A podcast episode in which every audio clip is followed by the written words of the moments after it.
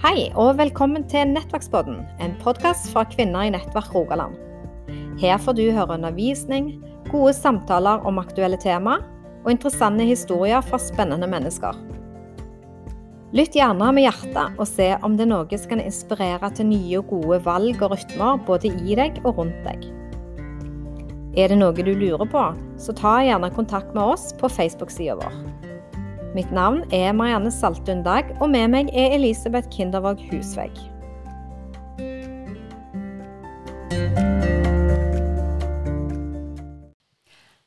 Hallo til alle våre lyttere. Hei, hei. We are back. Og vi har hatt det gøy siden sist, Elisabeth. Det har skjedd en hel del ting.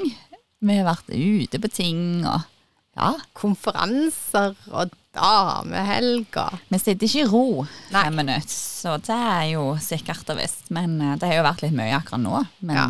ja. Men det, det er herlig når ting skjer. Mm. Så dere mannfolk som lytter på, altså, hiv dere rundt og bli med på det som fins. Mm. Jeg sa det til Gudmund faktisk, at jeg unner mannfolka i, i Rogaland òg eh, mer oppslutning rundt et Ja. eller annet Altså samles, liksom. Mm. Ja, det så er det brenner jeg for, på deres vegne. Ja, jeg òg. Jeg òg sier til mannen min Du, reis på en sånn en gutt, samle en hel gjeng med gutter, og bare reis på en guttetur. Mm. Eh, hyttetur. Konferanse, hva det måtte være. For det er noen ting i fellesskapet, det å gjøre noen ting sammen, og Mm. lytte til ting sammen, tenke ut sammen. Og, nei, så det har jo vi fått eh, vært litt med på nå i det siste. Og da kan jeg jo bare drive litt reklame. Altså de har jo kvin eh, Kvinner i nettverk har jo en mannsavdeling, hvis du vil kalle det det. Ja, menn, menn i nettverk. Yes, det Og så, har. og så vet jeg at det er ganske mange på Jæren reiser jo på Bedehuskirka sin Mannsviken, som har vært litt rundt forbi. Mannen min har jo reist på det, og flere jeg kjenner, og det er veldig bra. Mm. Så det er noe, men ja. Hiv dere rundt, vet du. Mm. Men du, forrige gang så hadde vi eh, litt om den forfulgte kirka. Eller den lidende kirka. Eller våre brødre og søstre i eh, disse landene der det ikke er helt innafor å følge Jesus. Og det var jo en podkast som har fått mye, vi har fått mye gode tilbakemeldinger på. Og det er vi glad for. for som Ikke løye det. Nei. For som dere vet, så liker vi å høre hva som ligger på deres hjerter.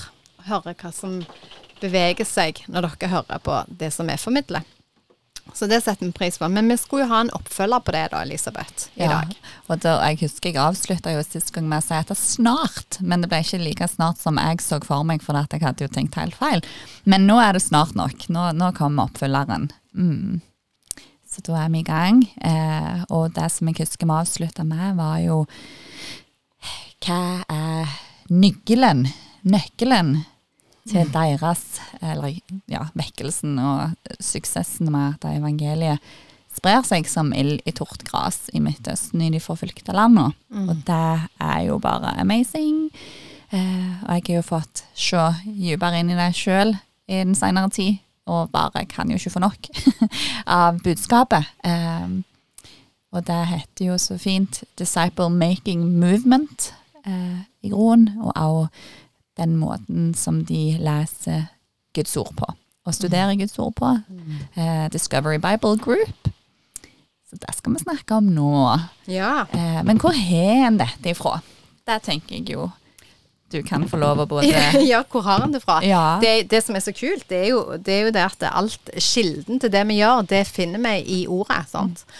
Og der er det jo eh, Der står det jo eh, om dette her med å det, Altså, det er noen ting som jeg må bare eh, Som jeg henger meg veldig opp i sånn på generelt grunnlag. og det er jo det som står i Matteus 28 om å, å gå ut i all verden og gjøre disipler. sant? Og jeg vet at vi har berørt dette her mange ganger før, Elisabeth. Eh, fordi at det, vi lever jo i en kultur der vi tenker ja, ja, disipler, liksom, men så funderer vi liksom ikke på det. sant? Hva er det egentlig vi produserer i vår egen kultur, eller våre egne kristne sammenhenger? Men det at Jesus kaller oss til å gjøre disipler, og lære de å holde mine ord, sant? lære de å adlyde mine ord, det er liksom en sånn Vi har tenkt at det, ja, jeg sk vi skal gå og forkynne Guds ord. Vi skal dele Guds ord. Eh, men så var det egentlig ikke det Jesus sa. Han sa lær de å holde Altså adlyde og lye mitt ord. Og det er ganske stor forskjell, det. Altså jeg bare tenker på at Man kan gå på bibelskole, og det er jo kjempebra. Selv, jeg har selv gått på bibelskole. Og man kan gå i sammenhenger der vi hører forkynnelse av Guds ord. sant? Eh, og det er bare så bra, og en blir berørt, og en syns bare ja, sånn at det reiser seg på ryggen, og ja, det ene med det andre. Men hele greia Jesus egentlig sier, det er at det, du skal ikke lære deg Guds ord, forstå meg rett, men du skal lære deg å adlyde det som jeg sier. Så da er spørsmålet hva er det vi har gjort? Hva oppdrag er det vi har hevet oss på egentlig?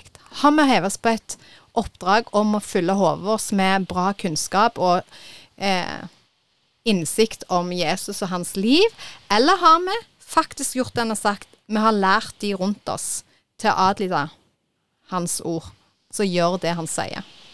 Ja, og det er heftige spørsmål du stiller. Og, og, jeg kjenner liksom at det røsker i meg ennå når du nevner det. For det er så skakkjørt. Ja.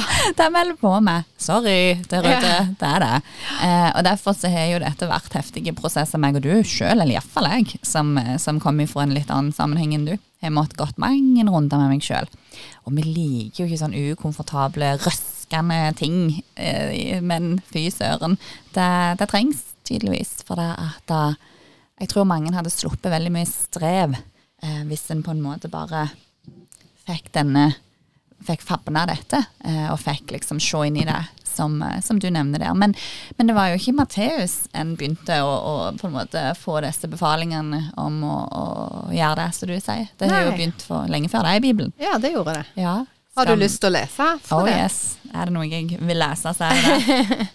eh, for det at vi har jo eh, i femte Mosebok, kapittel seks Ja, det er det står jo som overskrift 'Det største budet'. Um, og der tenker jeg vi skal lese nå, og så skal vi gå inn i det, ikke minst. Uh, for her står det jo veldig rett fram uh, hva det handler om. Uh, så vi leser fra kapittel 6 og vers 4. Nå skal jeg prøve å lese sånn ikke så jærsk, sånn at alle kan forstå det.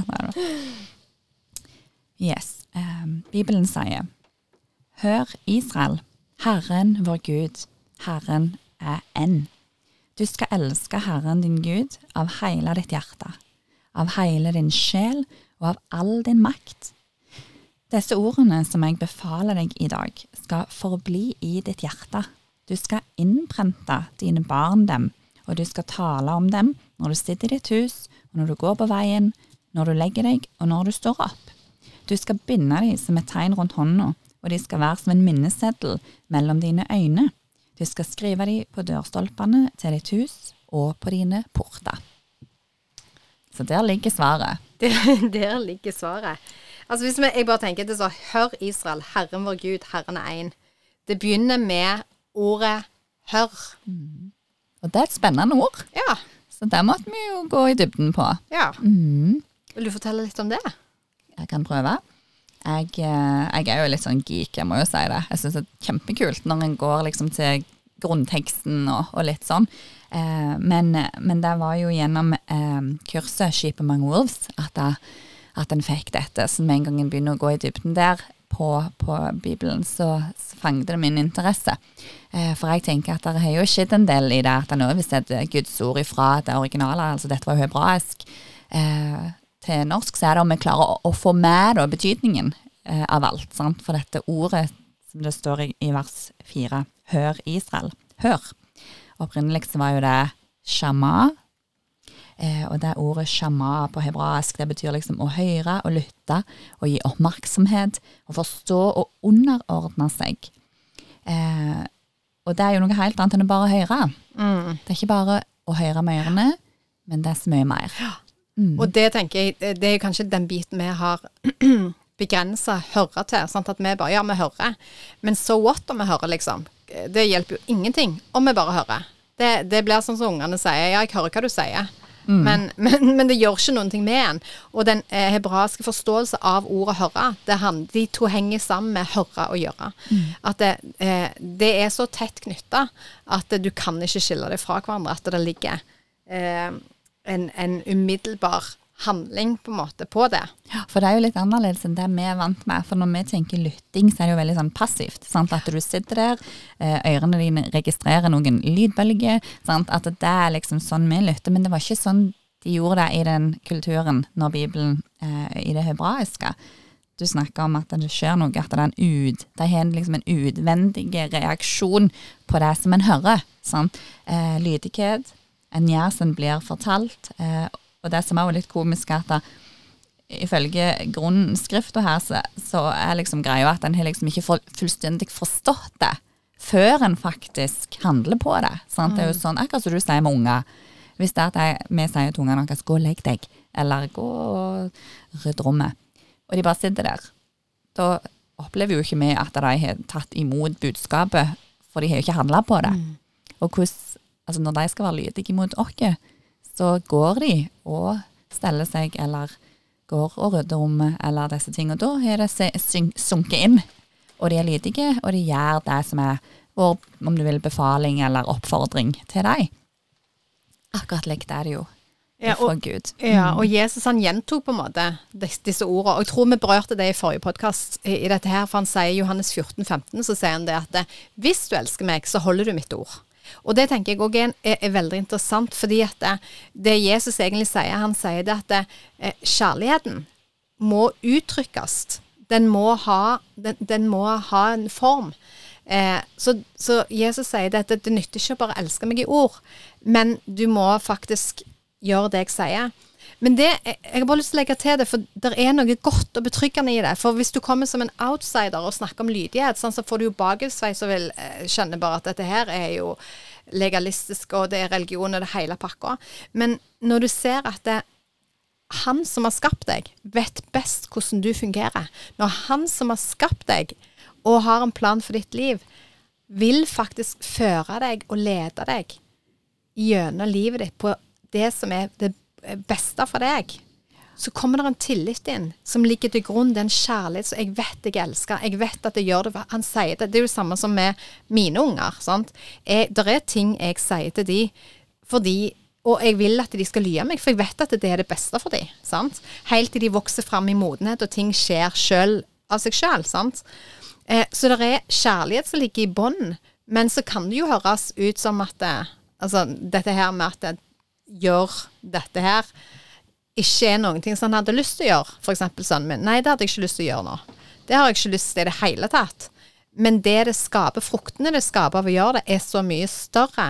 Så jeg, jeg tror det er litt viktig at vi har det perspektivet at det lydige, det handler ikke om en streng gud som sitter og befaler og dømmer og forteller oss hva vi skal gjøre, men det som det handler om, det er om at det er han som har skapt oss, som vet det beste. Altså han kjenner alle ting med oss sjøl og vet på best mulig måte hvordan vi skal eh, få bli kjent med han og formes og gå gjennom eh, i løpet av livet. Mm. Så det kjenner jeg Å, det er jo fantastisk. Jeg trenger ikke ha hele hodet, men han har det. Mm, han har stålkontroll ja. og ser det store bildet, ja. heldigvis. Og En annen ting som slår meg i det du deler der, er jo at mange av oss ønsker jo mer. Sant? Vi ønsker vekst, vi ønsker mer kraft i det. Altså, ja. Eh, og det kommer faktisk kun av lydighet til ordet. Det kommer ikke av at vi leser det og leser det og leser det og leser det. Eh, det kommer jo faktisk av at vi leser og handler. At det får på en måte utspring i vårt liv. Eh, og det som jeg liker så godt, så David Watson sier at han linker det inn mot dette her med kjærlighetsspråk.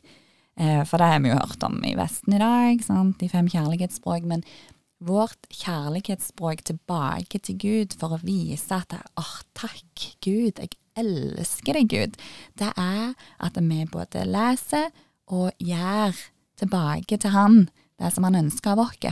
Det er liksom sånn vi viser Gud at åh, oh, jeg er så takknemlig. Takk, takk. Jeg vil mm. eh, gjør dette mm. som du ønsker av meg. Det, mm. det, er ikke noe jeg heller vil. Sant? Det er litt der. sant? Eh, og, og, um, ja, og så er det liksom litt sånn som de i Midtøsten ser når de sammenligner måten de disippelgjør på i forhold til hvordan vi er vant med her oppe i Vesten, er at i Vesten her så tenker vi at når en person har blitt en truende, da begynner disippelgjøringa.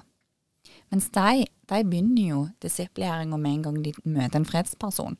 Som Gud vil lede dem til, da begynner en liksom gå inn i Bibelen og, og, sånn og sånn, til den dagen de på en måte konverterer og velger å tro på Gud. Og det er litt sånn annerledes måte å gjøre det på. Eh, for det, de, det, er liksom det første de gjør. Men sagt de begynner med en gang, sant, og så inn eh, i mennesket som Gud viser dem. Eh, og der tenker jeg bare det der med hvordan tenker vi om hva er disiplering i det hele tatt, sant? for vi har nok et litt annet bilde enn deg på selve definisjonen. Hva er disippelgjæring, da? Og hvis du går da tilbake til det du leste, Elisabeth, eh, og, og, snakker om hva er disippelgjøring, og eh, det, altså hvordan en går videre, så står det jo der at det, det neste verset det er du skal elske Herren din Gud av hele ditt hjerte, av hele din sjel og all din makt. sant? At der, der finnes ikke, det snakket vi jo litt om på, på, på konferansen som vi var eh, i forhold til dette. Det er ikke noen ting som er ja, jeg skal elske Gud av halve mitt hjerte og hele min sjel og 80% av min forstand, men, men at det, du, av alt Alt er underlagt han. Alt er gitt til han. Sant? Det der med at det, jeg skal finne livet når jeg er villig til å miste det. Og, og det å miste noe, jeg det kan være eh, vondt, kan se ut som det er vondt, men når du vet at det er det du finner, og du vet at av hele hjertet mitt hele min hverdag, fra jeg står opp til jeg går og legger meg på natta, alt. Jeg skal elske han. Så er det han som på en måte har Vi har gitt alt av han. Og så klart er det jo en prosess av å se hele veien hvordan dette ser ut. Eh, og så går han liksom videre. Eh, at orda må forbli i våre hjerter. Og hvordan forblir de i våre hjerter? Jo, med at vi skaper en kultur der vi hele veien minner, minner hverandre om sannheten. At vi hører og lærer fra han hele veien hører, og så lærer vi fra han. Og da sier de jo at det er det de gjorde. Sant? De skrev det på eh, så hadde sånn minnesedler mellom øynene. Skrev det på dørstolpene, på ditt hus, på dine porter. Du skal innprente det i dine barn. Eh, du skal tale om dem når du sitter i ditt hus, når du går på veien, når du legger deg og når du står opp. Så tenker jeg det kan jo høres litt voldsomt ut. Og jeg skal tale om Guds ord hele veien. Eh, vi skal snakke litt mer om akkurat det, hvordan det kan se ut. Men det er noen ting i overgivelsen her med å se at alt det vi er gitt, er nok til å skape det livet at det, Jesu lære, Jesu kjærlighet, alt dette blir formidla ut. Men det må starte med oss sjøl. Og jeg husker selv når jeg ble frelst, og det er det sikkert mange av dere som vet om, jeg har sikkert delt det før, men det ble altså så viktig for meg eh, med Guds ord, fordi jeg hadde så behov for å finne ut av hvem jeg var, hva jeg var skapt til. Og jeg fant ikke det noen andre plasser enn i Bibelen, så jeg skrev jo dette her opp på sengekanten, på, på sen, sengegavlen, eller hva det heter, skrev jeg den her.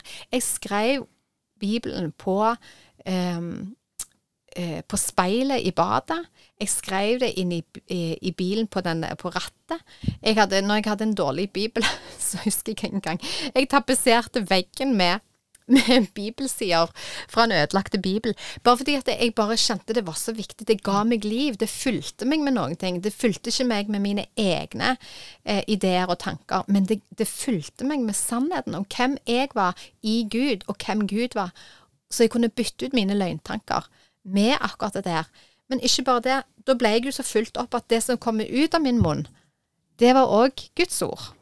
Og det blir jo sånn. Ja. Mm, når eh, begeret er fullt, så renner det jo over. Ja. Og det er det fullt med, det renner det over med. Mm. Ja. Eller det hjertet er fullt med, rettere sagt, hvis vi skal ta det direkte bibelsk. Mm. Jeg syns det er veldig fint at du går igjennom eh, hele altså jeg har notert det, liksom, for du, du får det jo liksom sånn hjertet, sant? sjelen, styrken. Altså, å, gå litt inn i det enkelte, liksom. For hvis du, sånn som du nevner, hjertet altså Det er jo liksom det organet oss som, som, kontrollerer på en måte liv og død. sant? Og det kan jo på en måte bli liv og død åndelig òg. At hvis vi ikke får overgitt hjertet vårt, liksom, eh, og følelsene og alt som ligger der inni, eh, det styrer jo alt annet i vår kropp. sant? Mm. Eh, og, og sjelen, sant, den lever jo evig, sant. Og vi skal få lov òg å leve for evigheten her. Sant? Det er jo det vi holder på med. Mm. det er jo derfor vi er her. Vi er på oppdrag. Sant? Um, styrken uh, Og det er ikke bare liksom sånn fysisk styrke når jeg trener og får sterke muskler uh, på treningssenter. Det er jo både den, det psykiske i oss, det emosjonelle. Sant? Alt der vi er sterke, skal liksom bli overgitt eh, til Gud, sant? og elske Han med alt, på en måte.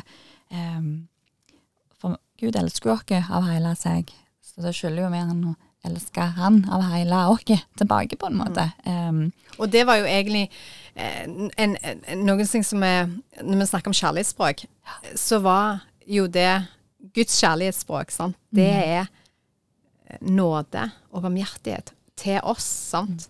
Men vi kan ikke gi det, den type kjærlighetsspråk tilbake, for vi er ikke Gud, sant. Og han, han trenger jo for så vidt ikke det. Men vårt kjærlighetsspråk, kjærlighetsspråk tilbake til han, det er lydighet. Mm. Eh, og det, det syns jeg er egentlig en veldig fin beskrivelse, at det, det er et kjærlighetsspråk. Det å uttrykke det gjennom at vi faktisk gir respons til han. Vi lyder han. Vi tror på det han sier. Og, det, og jeg tror at det, det, her når vi forstår det, at det, det å høre og lytte i seg sjøl ikke har noen verdi, men at disse to tingene henger sammen så, altså, Når vi skjønner det at du kan ikke ha det ene uten det andre, du må både lytte og gi respons, altså handle på det som du får inn i ditt hjerte. Og det er et aktivt valg. Det er ikke noe som bare kommer av seg sjøl, men det, da må du ha en bevisst holdning rundt det. Ja, hva er det Gud du viser meg når jeg leser dette her?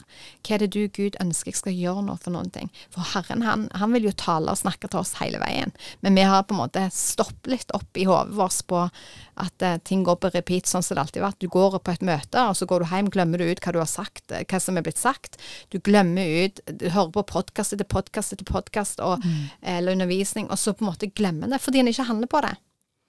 Og, og, det er jo der det ligger. Yes. Hvor mange sanseinntrykk f.eks. en bruker når en hører og oppfatter noe. Det skal vi jo komme tilbake til, hvordan en kan studere på Guds ord. Men jeg tenker at alt det som vi snakker om her, hvordan kan det bli til i vårt liv? Og det fortsetter jo ordet eh, å fortelle oss. sant? Eh, det er jo liksom det med Hvordan får vi til dette her? Å elske Gud av hele vår hjerte, sjel, forstand, styrke, kraft oh, sant? Altså, eh, Da tenker jeg at det, det får, vi jo, får, vi jo, forklaring på. Eh, det med å innprente på våre barn, f.eks. Innprente ordet i, i ungene våre. Eh, og da sammenlignes jo det med å, å innprente på en, en mynt. Sant? At du liksom eh, gir det passelig trykk for at det skal vare. Eh, og det trenger altså, Ungene våre blir ikke kristne av seg sjøl. Vi er jo født syndere. Vi trenger jo å disiplere våre egne unger. Eh, verden i dag forkynner jo at vi er født uskyldige, men vi er jo ikke det. liksom. Altså, eh, vi er jo født ukristne og må jo bli lært opp i dette. Eh, så det er jo viktig. Og så tenker jeg òg eh, hjemme, i heimene våre. De snakker om hjemmet. Hva er samtaleemnet når, når, vi er hjemme? Sant? I familien, når det er folk på besøk. I tryggheten, forhåpentligvis tryggheten i heimen. Eh, og òg det står om på veien. Sant? Det er jo ute blant folk i det offentlige. Eh, hvordan fungerer han der, liksom? Hva er han tydelig på? Eh, hva, liksom, eller backen av når han er ute av heimen, eller ute av den åndelige heimen som mange definerer bedehuset sitt eller misjonshuset sitt på. Sant? Når han går ut føre dette, eh, hvordan er det da? Eh, og når du er alene hjemme, eller bare familien, når du er gjester, altså alt skal være på en måte ett fett, da. Så står det tegn rundt hånda. Hvem er det som ser noe som er på hånda? Det er jo oss sjøl. At vi viser det til oss sjøl. Eh, og så står det om det med at du har det i pannen. Sant? Hvem ser det? Ja, hvem er det som ser oss i pannen? Det er jo folk vi snakker med, som treffer på. Eh, de ser oss folk. Sant? De ser om vi tilhører Gud, når det på en måte blir så innprenta i både unger og oss sjøl. Eh, dørstolpene våre, det vil jo si folk som du har på besøk. Sant? Når du kommer hjem til deg, så merker de jo hva, hvem som på en måte er i heimen, om Jesus er i familien. Sant? Portene, og det er jo hva som folk ser utenfra når de ser inn på oss. Eh, det skal få være det samme ute der som det er inne. Sant? Både det som viser når du kommer innføre, og når du eh, observerer fra utsida. Og vårt liv er ofte den eneste Bibelen noen ser. Eh, og så er det mange sånn 'Å, halve min, skal jeg måtte gjøre noe?' Sant? For det er jo av nåde. Sant? Eh, men det er noe som jeg faktisk har måttet, bare for å ha nevnt det òg, eh, tatt litt tak i. For det er så mange som hviler at alt er av nåde. Eh, men det er liksom forskjell på gjerninger her. sant? I Bibelen og i Det gamle testamentet så er det jo veldig mye om lovgjerninger. Og Paulus tar jo opp at det handler jo ikke om gjerninger ifra loven lenger, at du skal gjøre deg fortjent til frelsen. På ingen måte. Jesus ordner alt. Men så er det en annen del som heter trusgjerninger, som det står om i Det nye testamentet. Og det er de gjerningene som skal følge de som tror. Sånn som du sier tidligere, at det ikke bare er at en hører, men at en òg gjør. Men så har vi kristne blant dette her litt. Sånn? At det her trenger å gjøre noen ting. Og det er det altfor mange som har misforstått. Sånn at en hviler i at jeg har det inni meg. Trenger ikke gå ut med noe. Eh, det er meg og Jesus. Eh, og så stopper det dessverre da med at en ikke tror at det skal vise i livet. Og så hviler en dessverre i en falsk greie der, som ikke er det som Gud ønsker. Mm. Um, så uh, disippelgjøringen er jo i grunnen bare at vi blir Guds medarbeider helt tydelig, mm. aktivt. Um, ja. Og så er, tenker jeg jo at det, det som er viktig eh, for oss å forstå For vi, vi, er jo Naturligvis så vil det være eh, en vekst på en eller annen måte. Og hvis vi ikke lever i lydighet, altså i denne responsen, så vil vi heller ikke se noen vekst en åndelig vekst i vårt eget liv. sant? Fordi du får ikke gå fra ett nivå til et annet. Og, og, og dette her tenker jeg er en veldig viktig bit. At det, vi, vi, kan snakke om lengsel, vi kan snakke 'Å, jeg lengter til Gud, jeg blir bedre kjent med Gud'. Men spørsmålet er bare har du handla på det som han allerede har gitt deg? Har du tatt tak i eh, og gitt en respons på det han allerede har vist deg? Eh, fordi at det, når vi gir videre det vi har fått, da skjer det en vekst. Da skjer det en åpenbaring eh, som, som eh, gjør at vi får gripe det større bildet, og at man ser frukter som en skal få lov å bære til ære for Gud. For det er når, når vi bærer frukt, at Gud blir herliggjort, står det i, i Johannes 15. Og, og, det hvis man da ikke bærer frukt, sant? og man snakker om man lengter, og man ønsker å se Guds eh, Se at Gud manifesterer seg, eller Gud At ting skjer da. Men man skal liksom hoppe litt over dette her som kanskje koster litt. Da, da, da blir en havna Da havner han litt sånn mellom eh, barken og veien. Man blir liksom ingenting. Man bare følger og suser med på litt her og litt der. Men det er bare å begynne i det små. OK, Gud. Du har gitt meg ordet. Jeg setter meg ned. Hva vil, du det, hva vil du tale til meg, og hva skal jeg gjøre med det som du taler til meg, eksempel. Mm. Og det tror jeg jo er alfa og omega. Og så er det, for, for dere som kjenner eh, han Hoffmann fra Etiopia Det står om det i apostelgjerningens åtte. Så står det om en, en Hoffmann eh, fra Etiopia eh, som var ute og, og kjørte. Og mens han kjører da i denne her vogna si, så eh, sitter han og leser fra Jesaja. Og så kommer Philip. Han ble tatt i ånden, står det.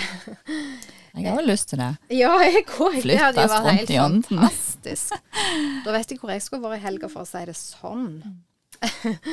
Men det som var, det som var så kult på det, eh, det nå, Da skal vi se um, hva for et 8.30. Ja.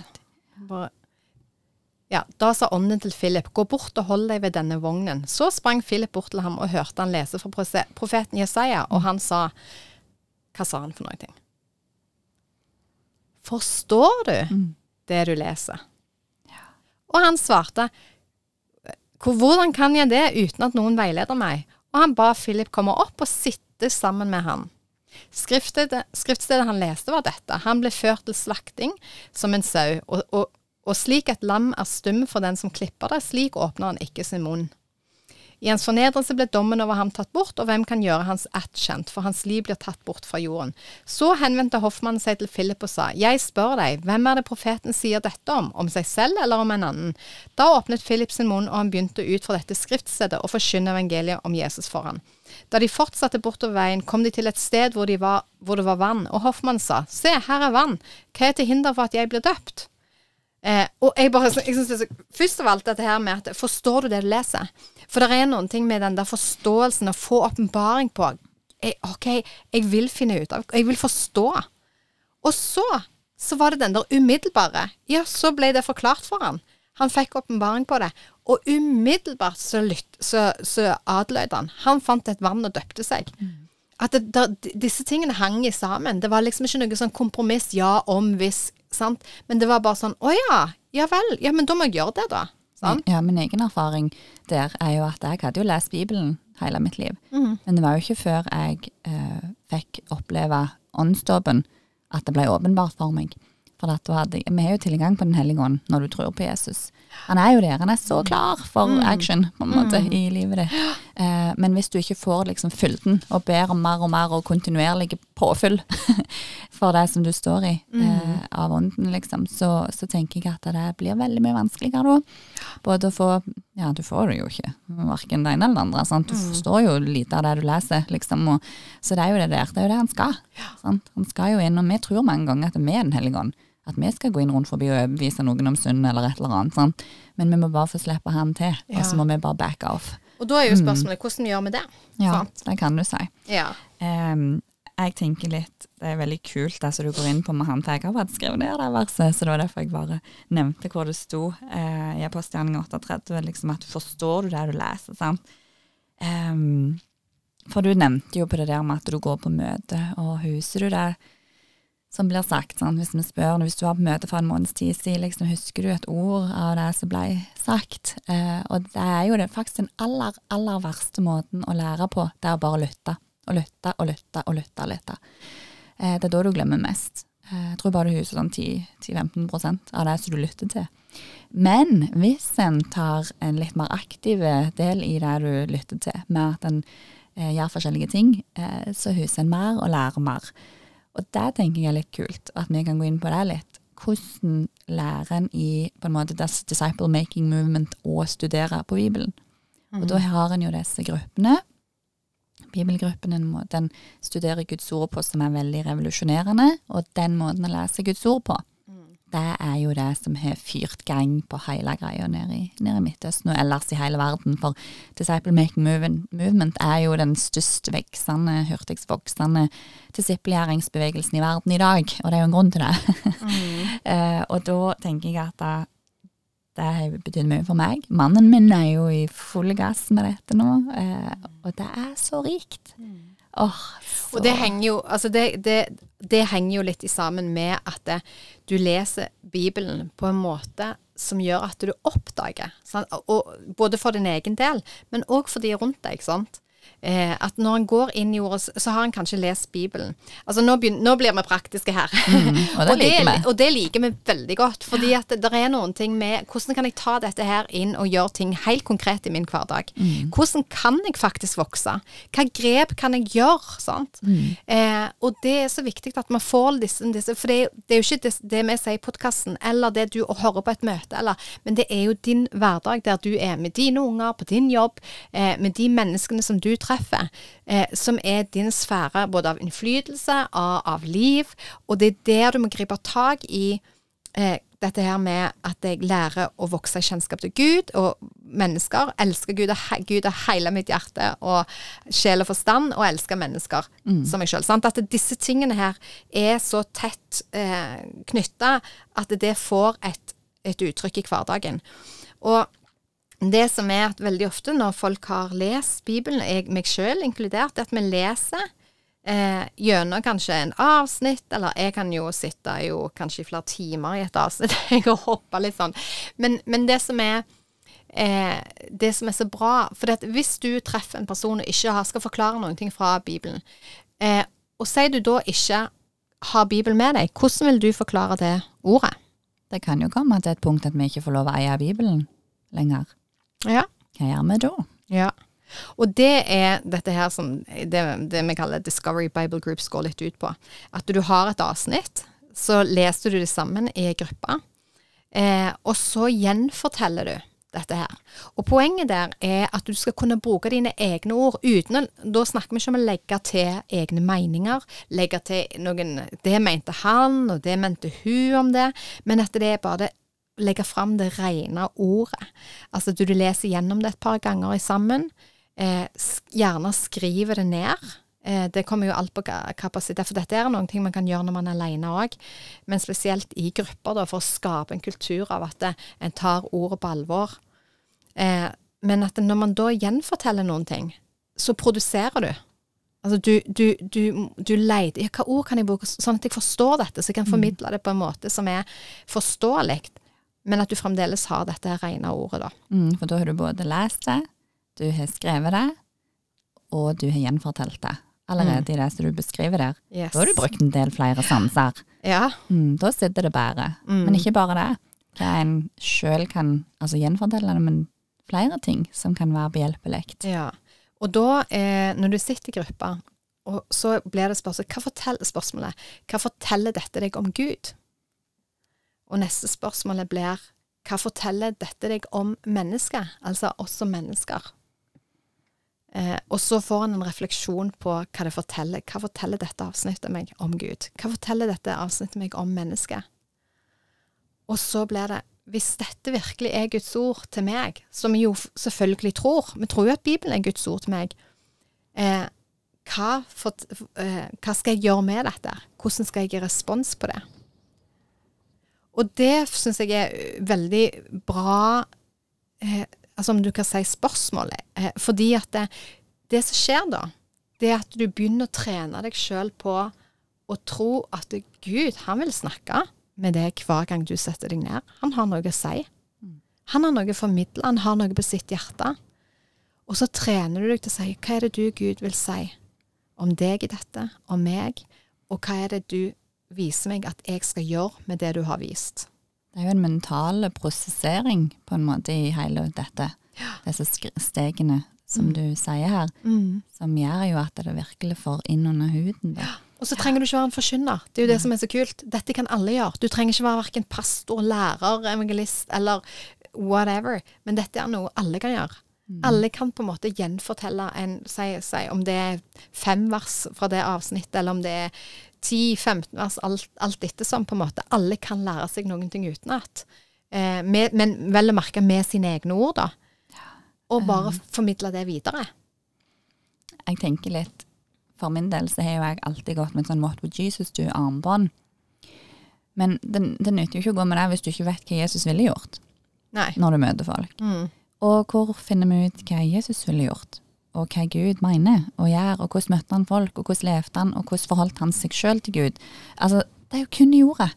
Så det nytter jo ikke for meg å gå rundt med noe armbånd hvis jeg ikke har peiling på hva Jesus ville gjort. Det er så løye du sier det, for jeg er liksom på rustningen. Folk snakker om rustningen, og så sier jeg ja, nå skal jeg ta på meg hjelmen, så tar jeg sverdet på meg, så tar jeg troens skjold på meg, så tar jeg skoene på meg.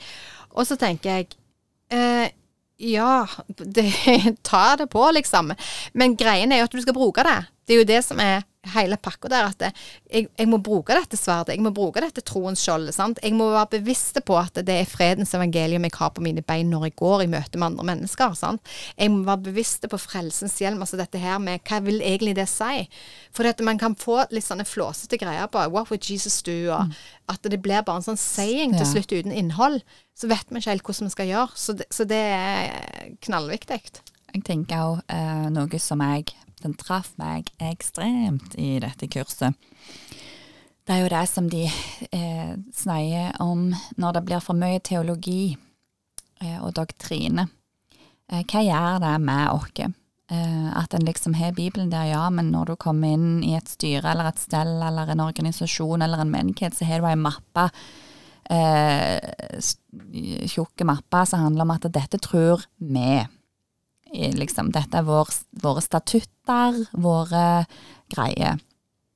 Men hva gjør det hvis en sverger og klynger seg mer til eh, Luthers lille katekisme enn en gjør til Bibelen? Eh, og det, det traff meg veldig. Eh, for at jeg, det som jeg eh, er enig i, det er at det, mye av dagens eh, teologi og doktrine og sånn, det har på en måte gjort til at vi sitter med en sånn inntrykk av at vi ikke trenger å lye Bibelen. Ja, og det er jo det som er hele greia. Doktriner og teologi, det er, kan være vår tillatelse til å ikke Det adlyde har blitt til det. Det Ja. blitt til at Man vi ikke men Vi gjør ikke sånt i vår sammenheng. Nei, vi, vi har en annen Vi ser litt annerledes ut på det. Jeg Ikke Og- tro for det der. Å, jeg kjenner jeg blir helt matte, liksom. Mm. Det, er ikke, det er jo ikke teologi eller noen spesielle sammenhenger sine doktriner vi skal følge. Vi skal gå rett til ordet. Vi har blitt gitt Den hellige ånd. Derfor sier jo Jesus i eh, Johannes 6, eh, vers 45, at eh, alle mine barn skal være lært av meg. Og de som kommer til meg, altså de som lærer, altså lytter og lærer, kommer til meg. Og det det igjen, det der lære å lytte. Så det er noen ting vi må bare komme ut ifra i forhold til disse gamle vinsekkene om at det, sånn gjør vi det, og sånn har vi alltid gjort det. Men greien er jo bare at det, det blir en sånn unnskyldning til å ikke gjøre det vi egentlig er kalt å gjøre. Eller å oss god lære. samvittighet for å ikke være lydige. Nettopp. For det handler jo ikke om oss. Nei. Og det er liksom Ja, vi kunne jo hatt 100 episoder om det, sant? for det er jo noe vi brenner for. Men, men det er skummelt. Veldig skummelt når en blir så opphengt i sin egen retning. Eh, og, og liksom sånn at en glemmer å forholde seg mer til Guds ord. Og jeg er litt sånn, jeg ser jo på folk ifra alle sammenhenger. Så lenge vi er enige om at Jesus står opp ifra grava og, og er i himmelen og kommer tilbake, så jeg er med på det. Altså, sånn, så må de bare tro hva de vil om dåp og tro hva de vil. Liksom, på en måte så er jeg jo litt der. Men jeg vet er mange som er ekstremt redde for å gå ut føre det som en tror i sin organisasjon, og det som på en måte en lærer i sin organisasjon, og det er forferdelig, syns jeg, eh, at det skal være så låst. Eh, for det er ikke sånn det er meint å være. Vi er jo brødre og søstre i Herren, om du bor på i Sibir, eller om du er i mm, Afrika. Altså, og det kommer en tid der vi ikke lenger kan begynne. Og er du ifra den organisasjonen eller den? Hvis ikke så forkaster jeg budskapet ditt, liksom, fordi at du ikke er den rette læreren. Liksom, sånn. Altså, det kommer en tid der du skal være kjempeglad bare at vi alle følger Jesus, liksom. Vi lever for Jesus. Altså, er jeg må jo si at jeg altså Dette her, det, det du egentlig snakker litt om òg, handler jo dem om enheten. fordi at det, eh, enhet handler ikke om, om enighet i doktriner, men det handler om en åndens enhet. Og jeg har jo søsken både som jeg kjenner hjerte til hjerte, både fra bedehus til pinse til uh, NLM og you name it, og alle disse organisasjonene, der jeg kan kjenne at det, oi, her var det et hjerte som fant seg igjen i et annet, på en måte, med samme lengsel, med samme hunger, som bare er going for it, sant? Og, og jeg tror den plassen der er så nødvendig, at vi gir slipp på det som holder oss nede, gir slipp på disse her båndene som er knytta på oss, disse sjel, eh, soul ties som det heter på engelsk, som bare gjør at nei, dette her må jeg gjøre. Sånn er min personlighet, og sånn er det med meg. Og, og så må man bare si nei, vet du hva, det er ting som er viktigere for meg. Det er Jesus. Jeg elsker han. Jeg vil bli bedre kjent med han. Jeg vil lytte til Guds ord og gjøre det som Guds ord sier. Og hvis vi da går tilbake, Elisabeth, bare for å være, eh, fylle oss litt mer på den der eh, praktiske biten, f.eks. på det som jeg eh, kaller Discovery Bible Studies. Bare google det, folkens. Ja, og så tenker jeg vi kan legge en sånn en eh, Det er faktisk en egen app på telefonen som man kan bruke der disse spørsmålene For den ene, ene spørsmålet altså Det første handler jo om å Jeg bare gjentar det. Sant? At Mm. du skal gjenfortelle. Du har dette bibelavsnittet som du leser. Gjenfortell det. Altså, skriv det ned med dine egne ord. Gjenfortell det. Spør hva forteller dette meg om Gud? Hva forteller dette meg om mennesket? Eh, og hva forteller Gud at du skal gjøre med det sjøl? Hvordan skal du gi respons på dette innen 48 timer? Eh, og siste spørsmålet er, blir nummer fire. Hvem skal du gjenfortelle det til? Kanskje det er noen på din jobb. Og for disse, de du, den du skal gjenfortelle det til, trenger ikke være en troende. Eh, det kan være sånn at du kan bare plutselig si Mens du forteller dette her Når du, du sier du sitter i en samtale med noen, så, og så forteller de noen ting, så kan du bare si du, Mens du sitter og forteller, så blir jeg minnet på en historie i Bibelen. Har du lyst til å høre den? Og at vi må, altså det kan, være mange måter vi kan gjøre det på, men vi må bare kaste oss ut i det. Vi må bli praktiske. Vi må våge å komme ut av vår egen komfortsone. For da kan du gjøre Ja, men jeg er ikke sånn. Hadde folk hørt at jeg hadde sagt noe sånn, hadde de fått helt bakoversveis. Ja, det kan godt være. La de få bakoversveis. For det er viktigere at de får Guds ord, eller de får høre sannheten, enn at de får bakoversveis. Det er liksom eh, hele greia hvorfor vi er her og eksisterer her. Det er jo for at vi skal gjør Jesus kjent, for alle skal få se hvor god han er, hvor nådig han er, hvor stor han er. Og hvis de ikke får se det gjennom oss, hvem skal de da se? Skal de se på sol, sol skyer og himmel og he, Altså, ja, Gud kan vitne om det òg, men vi er her på en måte som hans eh, vitner. Mm, Ja, mm. Om hva han har gjort i vårt eget liv. Og noen ganger så trenger vi disse praktiske eh, tingene, redskapene, som bare setter deg. Og det igjen, det, det er sånn òg de gjør i, i f.eks. i Iran da, og i Afghanistan. Så jeg tenker, ja, det kan være utfordrende, men gjør det. Og mens samtidig, du, ønsker du litt, gå litt dypere i dette her, ta gjerne på kontakt, så kan du få være med på kurset med, eh, med Sheep Among Wolves, som handler om eh, Disciple Making Movements. Eh, og ønsker du å koble deg på noen ting der du kan få lov å gå dypere inn i dette her og få litt coaching på hvordan den kan komme ut, så ta virkelig kontakt. Eh, fordi at jeg tror at vi er i en periode og en tid der Gud bare beskjærer sitt folk. Mm. Eh, som, Gud er vingårdsmannen, sant. Eh, og Jesus han er treet, men vi er greinene. Og, og, og Gud beskjærer. Han beskjærer for at det som ikke gir frukt lenger, skal vekk. Og det er alvorlig. Ja, det er det. Mm. Og, og, sånn at det, de greiene som virkelig gir frukt i vårt eget liv, kan bli enda sterkere, så det kan gi enda mer frukt. Og jeg må jo si jeg undres meg over, selv om jeg ikke så på en måte har sett veldig mye vintrær, så kan jeg si det at broren min f.eks., han holder på med litt grann nå har sånne epletrær. Og før når jeg vokste opp, så var epletre et epletre, det var greiner hist og pe, og så var det litt sånn epler innimellom. Men når jeg ser på Kenneth sine epletre, så er det liksom noen få greiner som står ut, og de er bare så heavy med epler, liksom. Fordi han har beskjært. Han har tatt vekk de tingene som De greinene som ikke bærer frukt. For der kan det jo komme sopp, der kan det komme insekter som kan besmitte hele treet. Så de må skjæres av, så det ikke kommer sykdom. Eh, og så beskjæres det eh, før våren, før sevja på en måte kommer inn, og så kan det ikke gjøres Altså det er så mange ting, men det å vite at vingårdsmannen er den som gjør det, og det gjør han i sitt folk, men vi må òg gi respons på når Gud gjør noe i vårt liv, så må vi gi respons på dette her.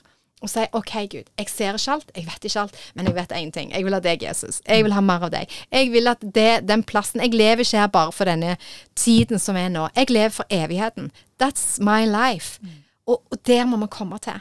For da har vi mista det. Da ser vi at det handler ikke om mitt fine hus og mine kule venner, og om jeg går på en kul plass. Men det handler om det livet som er på innsiden, får lov å næres og vokse fram sånn at de rundt det kjenner at de blir besmitta og vil gripe fatt i, som det står i Hosea, kappen og sier 'Jeg har lyst til å gå der du går, jeg har lyst til å gå med deg'. For det er jo det som er Når folk får se the real fragrance, sant? den lukta, om du kan si det, av Herren, så bare kjenner de Å, dette er godt. Dette vil jeg ha. Her er det en velduft som bare er godt å være i nærheten av. Eh, og det tror jeg Gud holder på å gjøre. Men dette mennet, vi må gi respons til det. Vi må lytte til de tingene. Rydde plass i hverdagen. Det trenger ikke være at det vi gjør er så veldig negativt, men det handler om å gi plass til han i hverdagen vår, sånn at han kan få mer rom. Ikke bare for det som er bra og godt, men for det beste. Det er hans hjerte for oss. Vi må koble med rette folk. Vi må bruke tid med rette folk. Hvis det er folk som på en måte drag, drar oss i feil retning, eller har på en måte en sånn lunka på innflytelse på oss, OK, kutt bånda. Så går du for de som brenner og har det samme hjertet som deg, så du kan få skape gode vekstforhold rundt deg. Sånn at når andre ute i verden som ikke kjenner Jesus, kommer i kontakt med det, så bare kjenner jeg oi, det de holder på med, det teamet der, eller det, det, den familien der, eller Altså, det vil jeg ha, liksom. Så, så jeg tror at det, dette er, er, redskaper som vi må gripe tak i, og så må vi si yes, Lord. Mm. Jeg går fullt og helt inn. Ja, jeg, yes. Jeg syns det er veldig fint eh, tema vi har i dag, for det har betydd så mye for meg sjøl. Jeg trenger å skyte inn én ting, for du snakker Marianne om at det koster. Eh, og da tenker en mange ganger at det koster å møte de ukristne der ute med dette her. Men faktisk så opplever jeg at det koster mye mer eh, å skille seg ut i kristne miljø enn hva verden møter. For de er ikke der helt ennå, liksom at de forstår hva det går i. Men å bryte litt ut ifra det tradisjonelle og det tunge trauste, som mange kjenner til ifra mine sammenhenger, det har kosta mye mer eh, for meg å være en, mer som en utbryter, for du blir en freak litt i, i ting som er etablert. Eh, så det har vært en større kamp enn kampen om å møte folk i verden, faktisk, med dette. Eh, så det kan koste på områder du allerede har trodd, eh, dessverre, men, men eh, du klarer jo ikke å la være, da, å følge. Nei, og det er ikke dessverre, tenker jeg. Jeg bare tenker at det er en del av en, en Sånn er det, men de sier jo Bibelen Paulus han, han, sammenligner jo med idrettsmenn som på en måte må legge vekk alt annet for å vinne seierskransen. Eh, og, og, og, hvis du kjenner disse vitnesbyrdene, disse idrettsmennene, av hva de ikke kan være med på, at de må kutte ut både ting spiser de spiser, de må kutte ut sosiale sammenkomster og kinoer og alt mulig. De gjør det fordi de har et høyere mål. Og, og, derfor tenker jeg det er faktisk en del av det. Eh, og, og, det skal vi få se at det, vi lever for evigheten. Vi lever for det livet som kommer, og mens vi er her, så har vi et oppdrag. La oss ikke bomme på det oppdraget. La oss stå i sammen, springe i sammen. Mm. Eh, så håper vi at det, denne podkasten her eh, kan, gi, kan ha gitt deg noen sånne gode redskaper, Mm. verktøy, eh, og at det gir deg et startskudd for uh, veien videre. For det gjorde du for oss. Og det er litt sånn, koronatida og pandemien har jo vært ei, ei renselsestid, opplever jo vi, eh, og mange med oss. Og jeg tenker at sånn som du sier, ny vin, nye ny vinsekker, eh, at det blir litt sånn Ja, enten er du med, eller så er du ikke med. Så du må grunnen bare ta et valg. Og du kan ikke høre på denne podkasten uten at det heller resulterer i noe i ditt liv, det som vi ønsker å, å formidle.